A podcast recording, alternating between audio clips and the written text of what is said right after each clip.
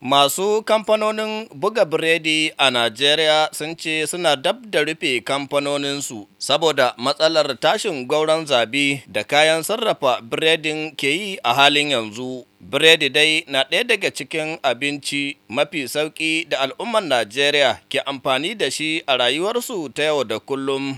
A wani taron manema labarai a birnin Lakwaja, fadar gwamnatin jihar Kogi, shugaban ƙungiyar masu kamfanonin biredin a jihar Kogin, Chief Adeniyi Bamidele Gabriel, ya ce shugaban ƙungiyar tasu a Najeriya Alhaji Mansur Umar. Tare da babban sakataren su sun amince da su tsunduma cikin yajin aiki daga ranar 27 ga wannan wata na Fabrairu da muke ciki. saboda matsaloli da suke fuskanta na tsadar kayan haɗa biredin da suka haɗa da fulawa, sukari da mai da dai sauransu. Haka zalika masu buga biredin sun koka da tsananta masu biyan haraji da gwamnatin Najeriya ke yi. Alhaji Yarima Muhammad shine shugaban ƙungiyar masu kamfanonin buga biredin a birnin Lakwaja da Kwatan Karfe. Ya yi ƙarin haske akan matsalolin da suke fuskanta. Aba kowa ya riga ya san halin da muke ciki a Najeriya. To amma na masu yin biredi abin yana so ya wuce gona da iri. Saboda yanzu misali a wata ɗaya baya muna sayan buhun fulawa akan dubu talatin da ɗaya. Yanzu magana da nake maka a jiya ana sai da buhun fulawa dubu arba'in da shida. Ba mu san me zai faru gobe ba. A kullum cikin kwanakin nan in ka ji ƙari yau gobe daban. Suga yanzu a wata ɗaya bayan da nake gaya maka ana sayan shi dubu talatin da takwas zuwa arba'in. Yanzu maganar da ake tana neman dubu ɗaya to haka da iri irin su duk wani abin da ka san ana aikin biredi da shi kuɗin hawa-hawan farashin ya yi yawa. Za mu dakatar da sarrafa biredi.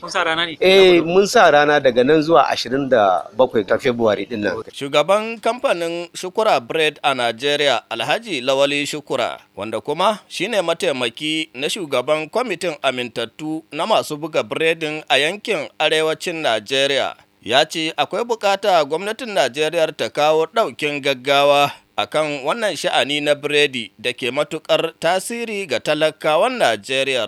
Wannan ba ƙaramin damuwa ba ne sannan kuma biredi abinci ne wanda ke kusa talaka. A kowane lokaci wani talaka zai iya sarrafawa ya sa a bakin shi ko da fiya wota da ruwa sai ya sha wani da coca cola wani ya ci da wake. To shi dai emergency ne biredi abinci ne na gaugawa ga mutane na buƙata saboda haka lalle ne gwamnatin tarayyar Najeriya da gwamnatocin jihohi da na local government su mai da hankalinsu su shiga taitayinsu su kawo ɗauki da gudunmuwa akan wannan abinci na bayan bayan Allah wanda mutane ke saurin sarrafawa don tafiyar da rayuwarsu. Wannan mataki na masu biredin dai na zuwa ne a daidai lokacin da 'yan Najeriya ke ci gaba da kokawa akan matsalar tsadar kayan abinci al'amarin da gwamnatin Najeriya ta ce tana ƙoƙarin shawo kan lamarin.